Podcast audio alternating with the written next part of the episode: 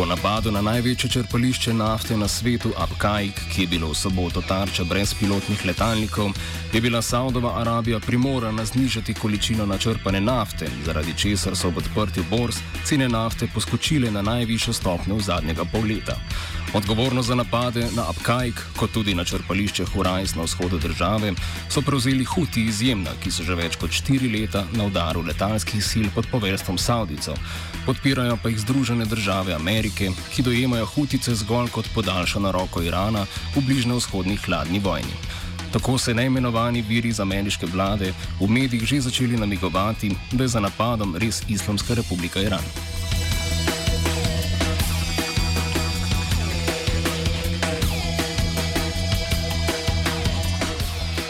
Iz Šoštenja so sporočili, da so še pravočasno pred naftno krizo septembra leta 2019 pognali šesti blok tamkajšnje termoelektrarne. T6 je miroval minuli mesec, potem ko je 17. augusta prišlo do okvare pri praznjenju pepela. Sicer pa se je tako ali tako začel teden mobilnosti, tako da se lahko na svojo destinacijo odpravite peš.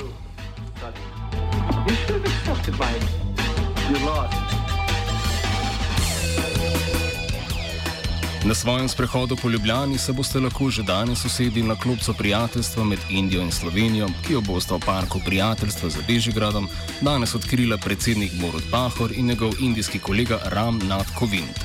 Gre za prvi obisk indijskega predsednika v Sloveniji. Indija je za Kitajsko in Južno Korejo tretja najpomembnejša zunanja trgovinska partnerica Slovenije v Aziji.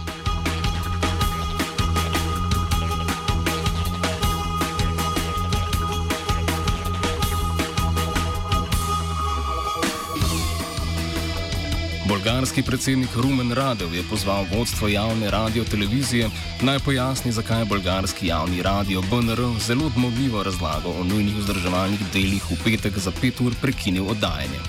Zaposleni trdijo, da je radio umoknil solidarnosti do sodelavke Silvija Velikove, ki je bilo onemogočeno predvajanje petkove oddaje. Vodstvo BNR nasprotno trdi, da je razlog za tišino popolnoma tehnične narave. Velikova, ki je znana po kritičnih stališčih in opozarjanju na korupcijo, je bila že dan prej suspendirana, češ da je kršila pogodbo, ko je v etru uživo pozivala poslušalce k protestom proti imenovanju Ivana Geševa na mesto generalnega državnega toživca. Demonstracije, ki so potekale poleti, so dosegle cilj in Gešev, ki je poznan po številnih skrajnih prepričanjih, je odstopil od kandidature. Komentira novinar bolgarskega časnika Dnevnik Angel Petrov. We don't yet have the right answers to this.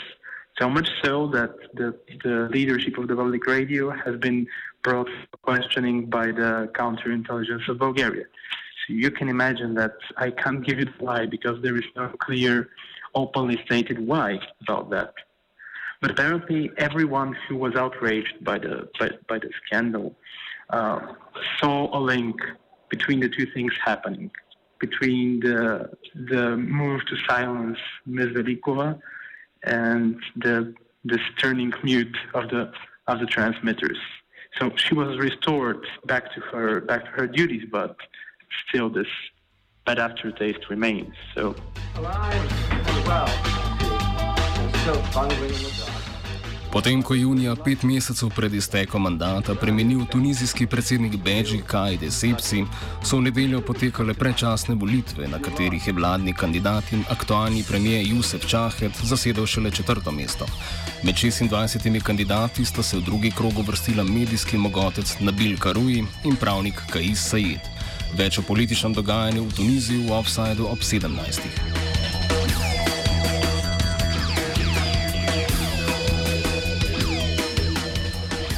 Zahodno v Tuniziji je razpis predčasnih volitev sprožil odstop ali bolje rečeno odstavitev dolgoletnega predsednika Abdelaziza Buteflike 2. aprila.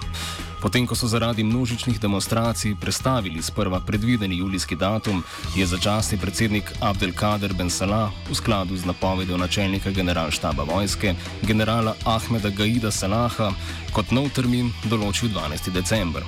Protestniki medtem še naprej ustrajajo na ulicah in zahtevajo zamenjavo celotne vodilne nomenklature, vključno z Ben Salahom, ki je že dolgo tega presegal v ustavo zapisani 90-dnevni mandat.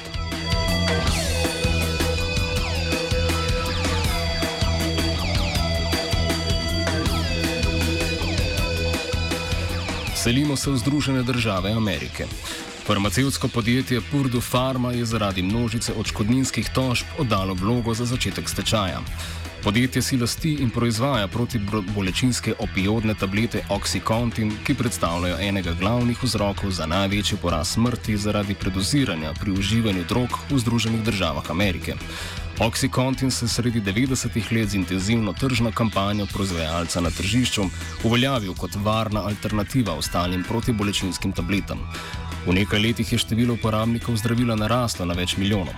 Med letoma 1999 in 2015 pa je ameriško zdravstvo zabeležilo okoli 183 tisoč smrti zaradi prevelikega odmerka protibolečinskih zdravil na recept.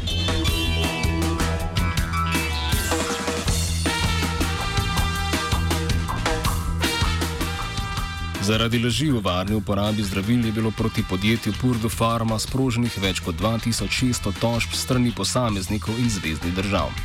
Podjetje se je s tožniki pred nedavnim začasom dogovorilo, da se bo denar iz tečaja porabil za poplačilo odškodnin ter da bo družina Sackler zagotovilo finančna sredstva v višini 2,7 milijarde evrov. Eksponentno naraščanje prodaje zdravila Oxycontin v zadnjih 25 letih je sicer iz družine Sekler napravilo eno najmočnejših dinastij v ZDA, njihovo skupno premoženje pa je ocenjeno na 11,8 milijarde evrov.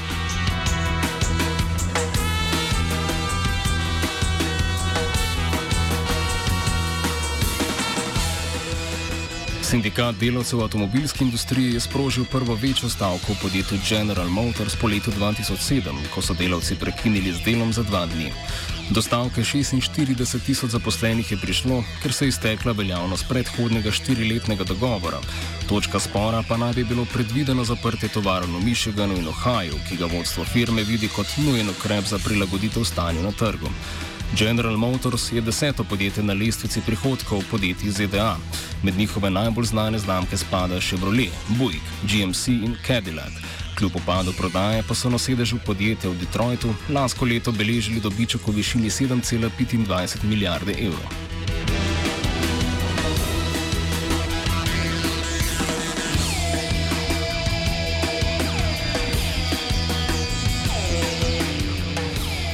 Nadaljujemo s sindikalnimi novicami po svetu. Sindikat bolnišničnih zdravnikov Zimbabveju je tamkajšnje varnostne sile obtožil ugrabitve sindikalnega aktivista in zdravnika Petra Magombeja. Ta naj bi namreč bil ugrabljen v soboto.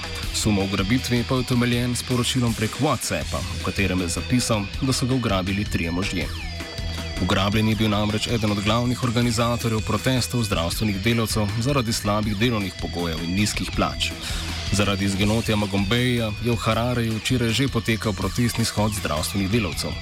Plača zdravnikov v Zimbabveju znaša okoli 180 evrov na mesec, prav tako pa se delavci v zdravstvu redno srečujejo s pomankanjem zdravniških zalog in slabimi delovnimi pogoji.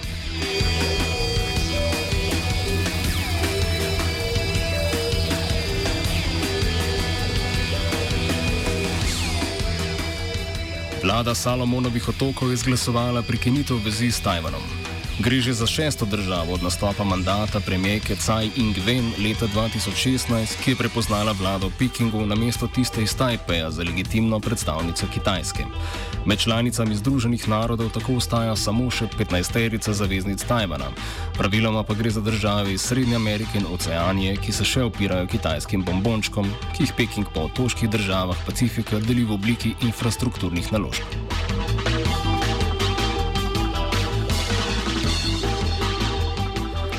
Sta pripravila Antun in Jošt.